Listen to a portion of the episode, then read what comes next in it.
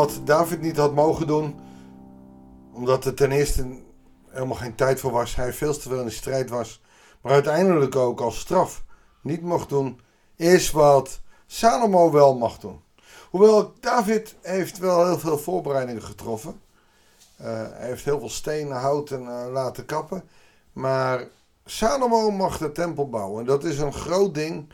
Het gaat dan ook altijd over de tempel van Salomo. En daar gebruikt Salomo handig anderen voor. Want hij kan niet anders dan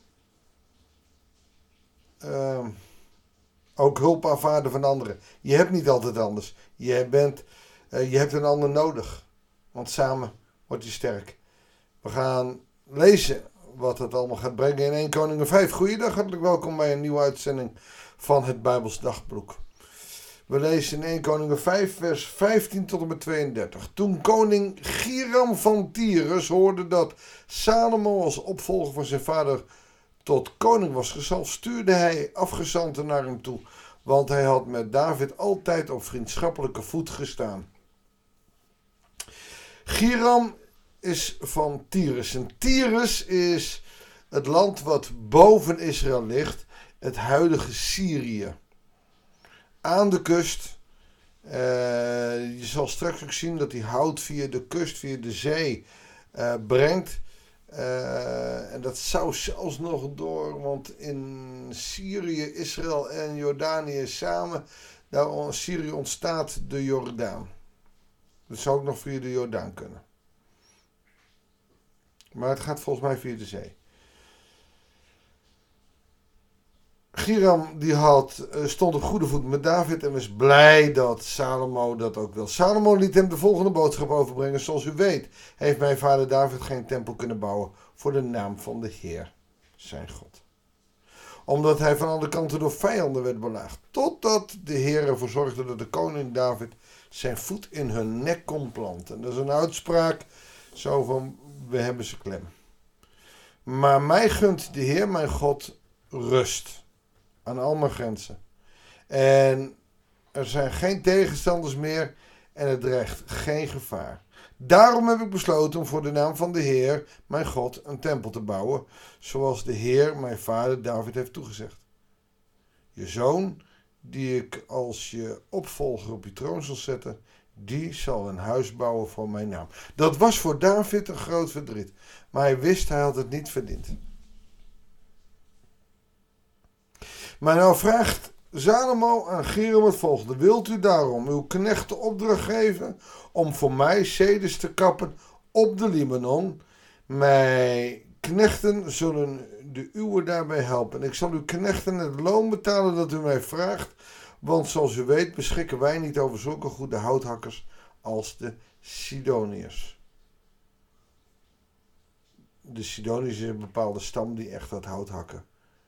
Uh, tot ambacht hebben. Mooi hè? Uh, hij heeft geen houtakkers. Daar heb je een ander mee nodig. Het is wel wrang dat later de koning van Giram, of koning Giram, sorry, de koning van Tyrus, uh, die nu lovend is en God looft straks, ook later heel veel afgoderij heeft gebracht. Je kan dus wel de vijand nodig hebben, maar het is ook niet zo dat het allemaal vanzelfsprekend is. Toen Giram Salomo's verzoek ontving, was hij zeer verheugd. Geprezen zij de Heer, zei hij, die aan David een verstandige zoon heeft gegeven om dit volk te besturen. En hij liet Salomo de volgende boodschap overbrengen. Ik heb uw verzoek ontvangen en ik zal u Zedes en Cyprussen leveren, zoveel u maar wilt.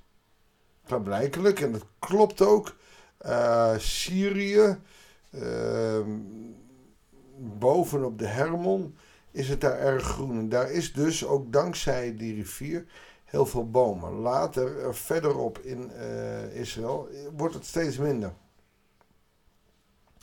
Dus Tyrus is waarschijnlijk een, een boomrijk gebied. Mijn knechten zullen ze van de Libanon naar de kust brengen. Ik zal vlotten van laten maken om ze over zee, daar heb je het al, over zee te vervoeren naar de plaats die u mij opgeeft. Daar zal ik ze weer uit elkaar laten halen, zodat u de stammen kunt meenemen. In ruil daarvoor verzoek ik u mijn hof van levensmiddelen te voorzien.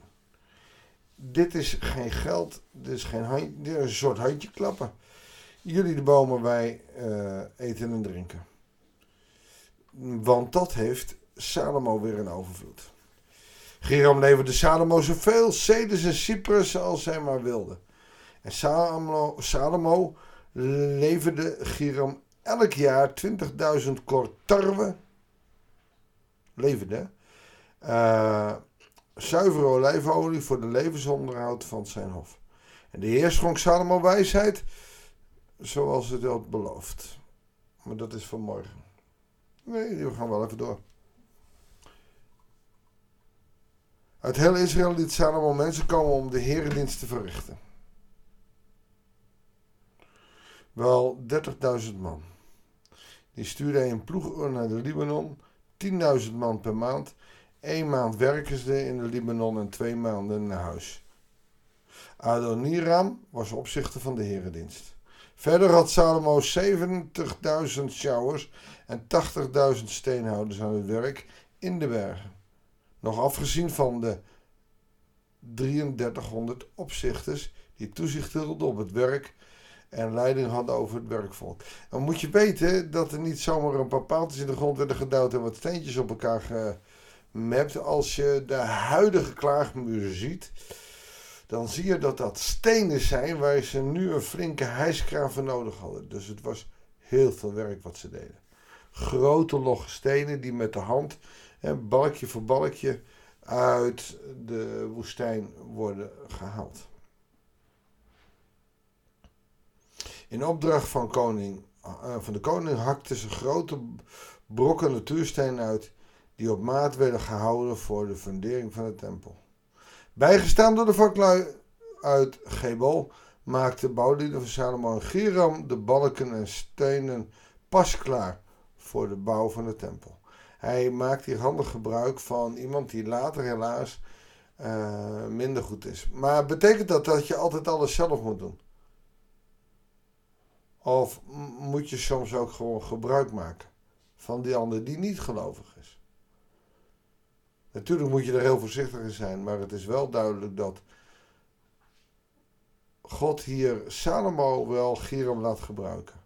Uiteindelijk ter ere glorie van zijn tempel. En uiteindelijk wordt Salomo ook wijzer, waardoor uh, wat hij ook wil, de koning, uh, koning Giram, hij zal nooit zo sterk worden als koning Salomo. Wat leren we hiervan? We mogen samenwerken.